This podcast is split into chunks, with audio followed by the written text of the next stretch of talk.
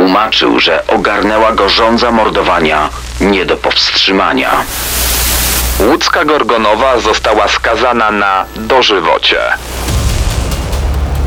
Płatni zabójcy, seryjni mordercy i sceny zbrodni w RMFFM. Dzisiejszym hitem będzie ten dźwięk. Chociaż to chyba ostrożniej trzeba i od razu y, przyda się ostrzeżenie, kto ma alergię na kurz. Y, Mamy w studiu gazety sprzed blisko 100 lat. No może trochę przesadziłem. Y, W każdym razie opisują wyjątkowym, trochę archaicznym językiem międzywojnie, drugą Rzeczpospolitą. Niezwykle burzliwy czas na arenie międzynarodowej, a już szczególnie w Polsce, która wróciła na mapy po rozbiorach. Jakby mało było ludzkich tragedii nad Wisłą, działali tu ludzie, którym ten czas chaosu sprzyjał w ich bestialskich zbrodniach. I już za moment o wujku druciarzu, chociaż bardziej znany był jako wampir z Łodzi, seryjny morderca, dewiant seksualny, postać z dziecięcych koszmarów, niestety istniał naprawdę. A później także sprawa z Łodzi. Dwunastoletnia Zosia Zajdel znika z domu, gdy mama wychodzi do apteki. Tym śledztwem żyła cała Polska.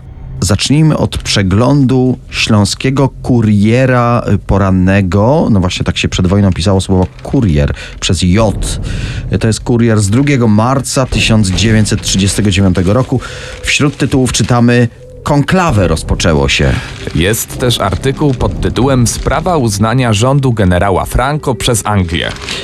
Akcja przeciwżydowska w Czechach przybiera na sile. No to z tematów międzynarodowych, a jakimi sprawami żyła Polska? Przede wszystkim tą. Za zamordowanie dzieci skazany na śmierć. Może zostańmy przy tym artykule.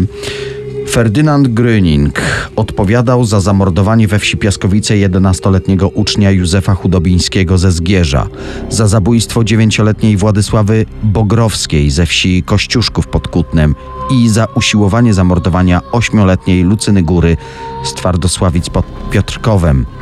Po odczytaniu obszernego aktu oskarżenia i stwierdzeniu winy Gruninga, morderca skazany został na śmierć przez powieszenie. No to jeszcze jeden cytat. Rozprawa odbywała się ze względu na drastyczne momenty procesu przy drzwiach zamkniętych. Zajrzymy za te zamknięte drzwi i opowiemy o tych dramatycznych wydarzeniach, a także o innych, bo to nie były jedyne zbrodnie wampira z Łodzi, jak o nim pisały gazety. Ale jak to u nas po kolei? Ferdynand Gröning urodził się w Łodzi w 1885 roku i właściwie z tym miastem związany był przez całe swoje życie. Przez pewien czas mieszkał we wsi Karolew, dzisiaj to jedno z osiedli w zachodniej części Łodzi. Później jego rodzina do Łodzi wróciła i tu znalazł także pracę jako tkacz. Jego dzieciństwo i młodość to czas Polski porozbiorowej. W domu obowiązywał język niemiecki, ale chodził do szkoły rosyjskiej. Był zdolnym uczniem, rodzice uważali go za najmądrzejsze ze swoich sześciorga dzieci. Taki typ raczej spokojny, cichy, zamknięty w sobie. Ale jego siostry opisując brata zauważyły, że w pewnym momencie stał się bardziej agresywny. Z niezrozumiałych powodów wpadał w złość. No i te stany agresji nasiliły się w czasie jego pobytu w wojsku. No właśnie, z armii rosyjskiej go wyrzucono, ale to nie przez agresję, a z powodu jego, jak to możemy określić, skłonności seksualnych. Po wyjściu z wojska nie mógł sobie znaleźć miejsca. Nie chciał iść do żadnej pracy, a siostry zapamiętały, że po wojsku Ferdek stał się jeszcze bardziej nerwowy i nie wiadomo, czy to dlatego sięgał po alkohol, czy przez alkohol częściej zdarzały się napady agresji. W końcu jednak ożenił się. Małżonka zaszła w ciążę, ale tuż po urodzeniu ich córeczka zmarła. Gröning jeszcze bardziej oddawał się wtedy pijaństwu, coraz częściej kompanom od kieliszka mówił, że w małżeństwie szczęścia nie znajduje. Coś mogło w tym być. Podobno tuż po ślubie Ferdynand sprzedał swój garnitur, a pieniądze przepił. Przepił także obrączkę. Twierdził, że do tego związku zmusiła go rodzina, żeby się ustatkował, zwłaszcza siostry naciskały na to, by sobie znalazł wreszcie dziewczynę. No właśnie dla nich nie było tajemnicą, że Ferdynand miał niezaspokojony apetyt seksualny. Zresztą o jego wybrance mówiło się, że lubiła mężczyzn, więc wydawało się, że będą do siebie pasować. Ferdynand widział to inaczej. Opowiadał, że żona go zdradzała i po ślubie, i przed ślubem. W końcu żonę porzucił. Motywy seksualne pewnie zwróciliście uwagę, powracają w tym życiorysie. Musimy dodać, że Gröning w 1914 roku został oskarżony o gwałt na pięcioletniej dziewczynce Władysławie Jezierskiej. Trafił za to do więzienia. Ale wybuch Wielkiej Wojny oznaczał amnestię. Więzienia pozbywały się osadzonych. No i także Ferdynanda z zakrat wypuszczono. Wrócił wkrótce do więzienia, odsiedział rok za kradzież i dodajmy, to było najlżejsze z jego przestępstw. W 1926 roku w Turku mówi się tylko o jednym. Ktoś zamordował siedmioletnią dziewczynkę. Irenka Erencówna została przed śmiercią brutalnie wykorzystana seksualnie. Władze szybko znalazły sprawcę. Łatwo zebrano dowody przeciw Gryningowi. Sąd nie miał wątpliwości. Skazał go na dożywocie za kratami. No i tu życie tego mordercy i zwyrodnialca powinno się zakończyć, a jednak było inaczej. W 1932 roku ogłoszono powszechną amnestię. Wyrok Gröninga został skrócony do lat 12. A jednak wyszedł jeszcze wcześniej. W więzieniu w Rawiczu był wzorowym osadzonym, nie sprawiał żadnych problemów, dostał tu pracę jako palacz. Praca w kotłowni spowodowała u niego poważną chorobę oczu. W 1934 roku Ferdynand Gröning został wypuszczony na przepustkę, by podleczył oczy i uratował wzrok. Ta decyzja sądu była niestety brzemienna w skutkach i, i to bardzo tragicznie brzemienna. Jest 30 maja 1934 roku. Ferdynand Gröning cieszy się odzyskaną wolnością, ale chce także dać upust swoim rządzom, które przez lata za kratami narastały u niego. Gdy znów jako wędrowny blacharz zawędrował y, tym razem do Zgierza, zagadał do chłopaków, którzy grali w piłkę. Wpadł mu w oko mały Tadek. Gröning chciał go skusić cukierkami. Poczęstuje go, jeśli chłopak odprowadzi go do tramwaju. Na szczęście odmówił. Na nieszczęście ta sama propozycja pada wobec 11-letniego Józefa Chodobińskiego. Gryning dał mu 50 groszy na zakup słodyczy, ale będzie mógł kupić cukierki, jeśli odprowadzi mężczyznę do tramwaju. To był ostatni raz, gdy chłopaka widziano. Wiemy z późniejszych relacji, że y, wyprowadził chłopca poza Zgierz i tam go wykorzystał, zamordował, ciało zostawił na polu. Jeszcze tego samego dnia, gdy Józio nie wrócił do domu, zaginięcie zgłosił jego tato, no i rozpoczęto poszukiwania. Sześć tygodni później rolnik ze wsi Piaskowice-Pieńki na swoim polu trafia na szczątki. Ich stan nie pozwala stwierdzić, czy jest to zaginiony Józek. Jednak przy ciele odnaleziono czapkę podpisaną Józef Chodobiński, klasa czwarta.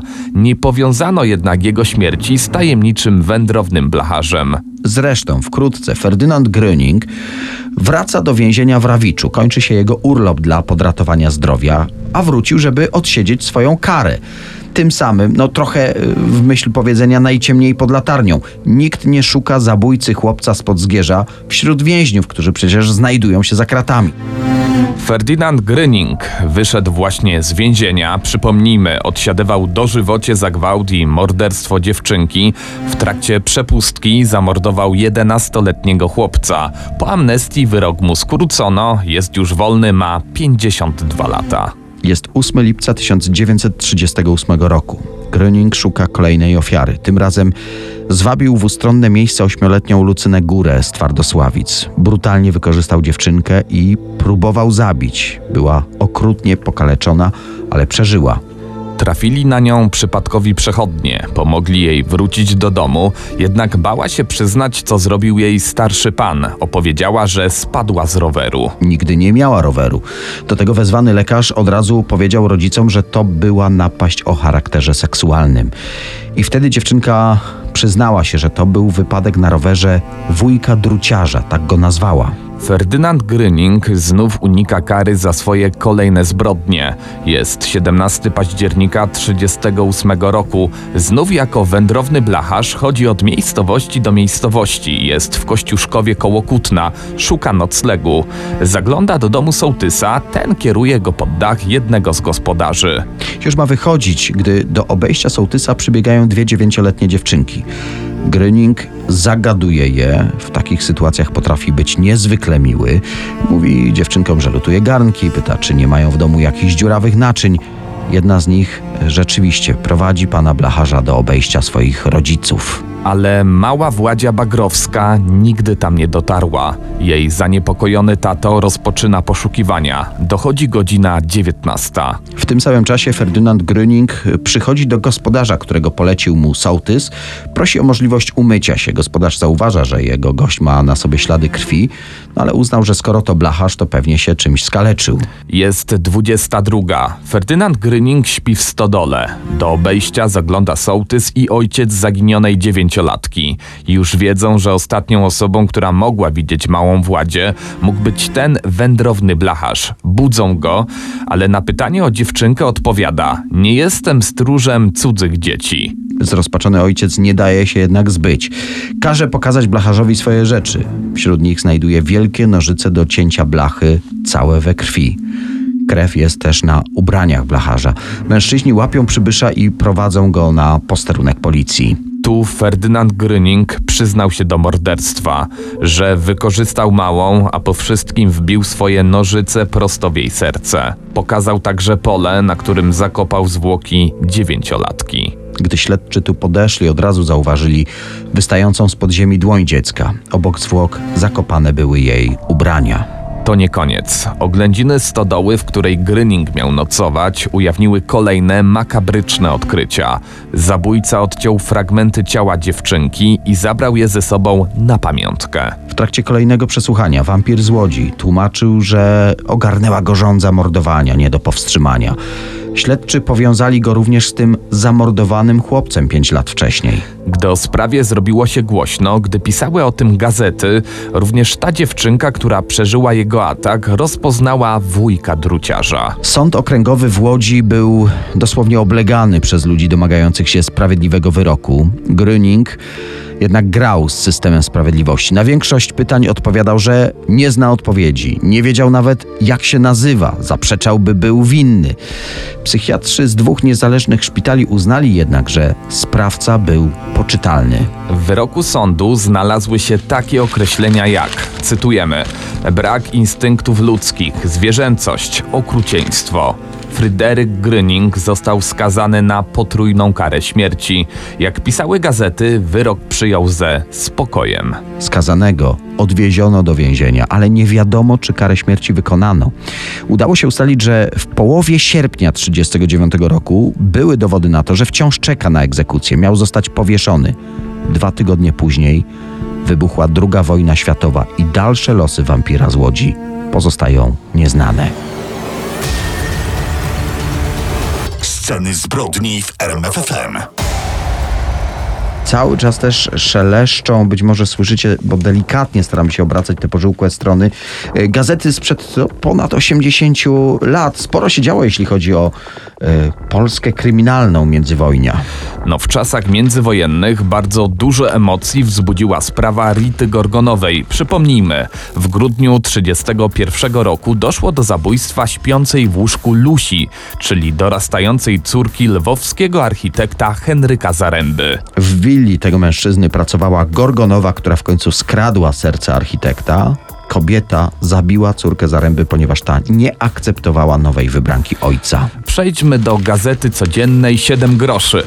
5 lutego 1938 roku wspominała m.in. o śmierci poety Karola Huberta Rostworowskiego, o procesie sądowym inżyniera Doboszyńskiego, jednak tytuł artykułu, który zajmował prawie całą pierwszą stronę, brzmiał następująco: Kto zgładził 12-letnią Zosię Zajdlównę?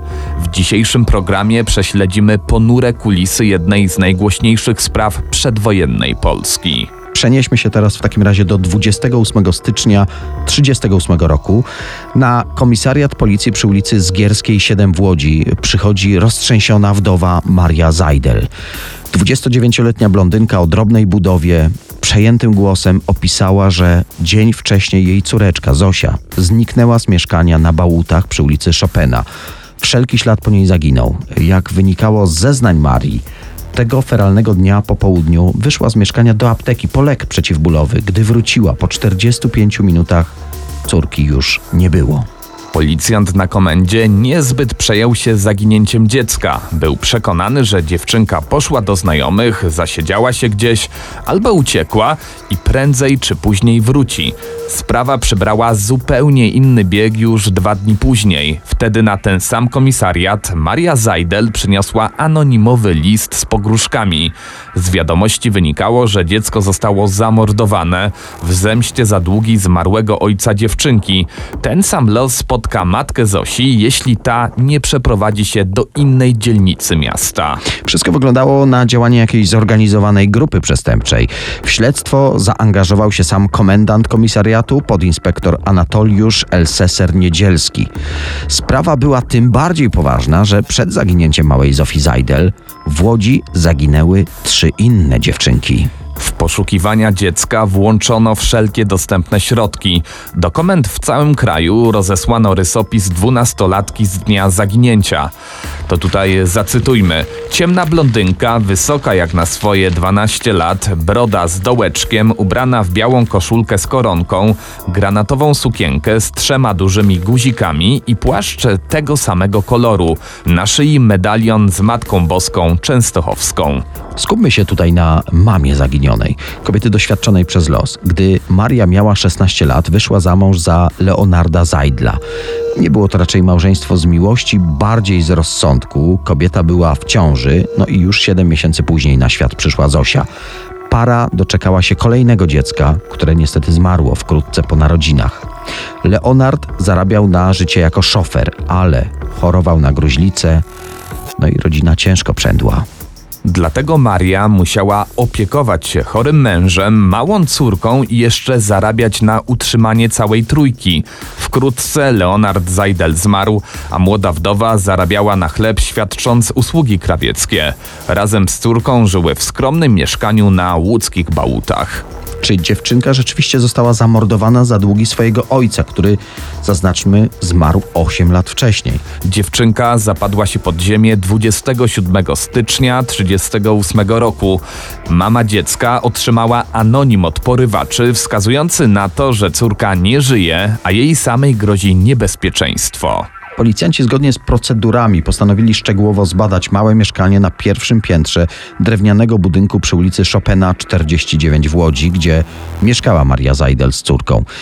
Śledczy brali pod uwagę wersję, według której dwunastolatka uciekła z domu, dlatego przeczesywali kwaterę w poszukiwaniu jakiegoś listu pożegnalnego. Podczas drugiego przeszukania funkcjonariusze dostrzegli ślady krwi na pościeli Zosi. Na tym nie koniec. Poszukując listu od dziewczynki, natrafili na zupełnie inne wiadomości. Dokładnie były to dwa anonimy.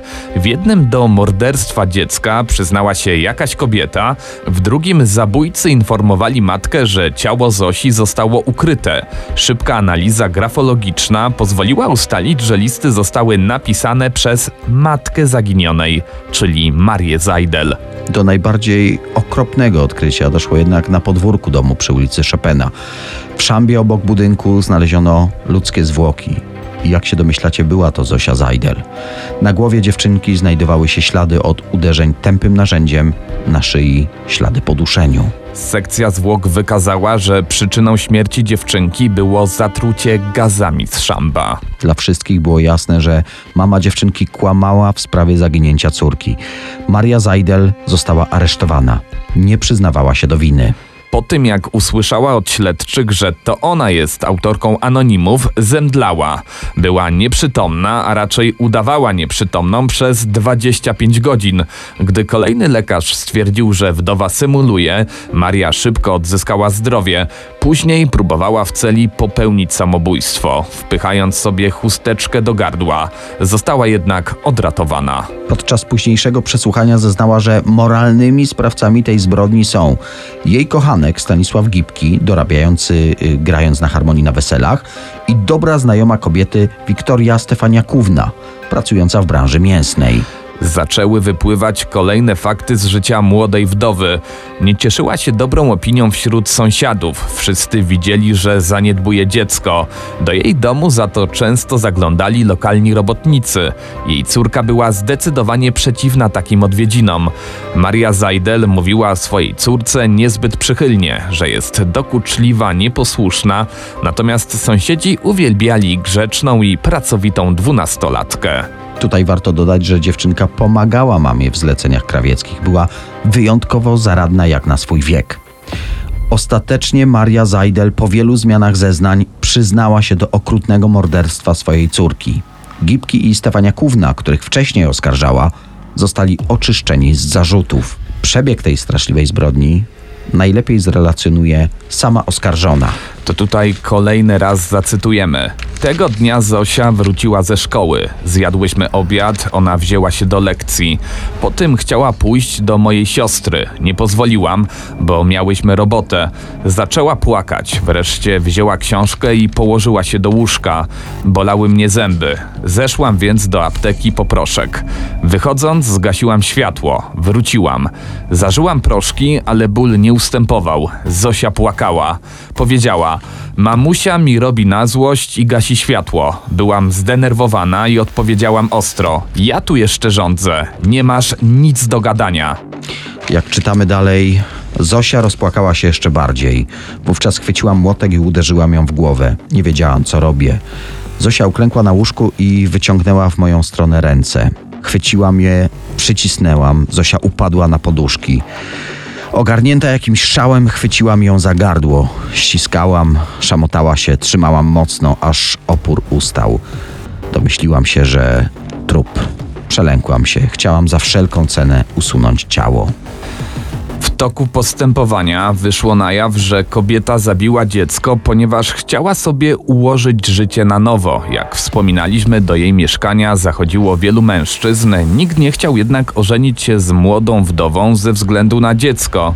Zdesperowana, samotna Maria Zajdel postanowiła więc pozbyć się jedynej przeszkody na drodze do ponownego związku. Sprawa dzieciobójczyni była na czołówkach wszystkich gazet. Dzienniki z detalami opisywały całą sprawę. A wydarzenia z Łodzi stały się jeszcze bardziej głośne po pogrzebie Zosi Zajdel. Przed domem, gdzie znajdowała się trumna dziewczynki, gromadziły się nieprzebrane tłumy. Do tego stopnia, że policja musiała pilnować bezpieczeństwa.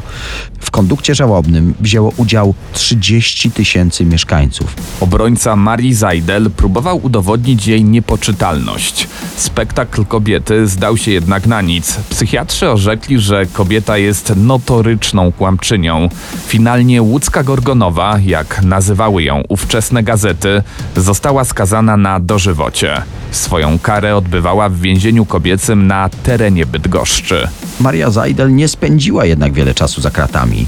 Już 2 września 1939 roku wyszła z więzienia na mocy amnestii w związku z atakiem Niemiec na Polskę. Dalsze losy wyrodnej matki pozostają tajemnicą.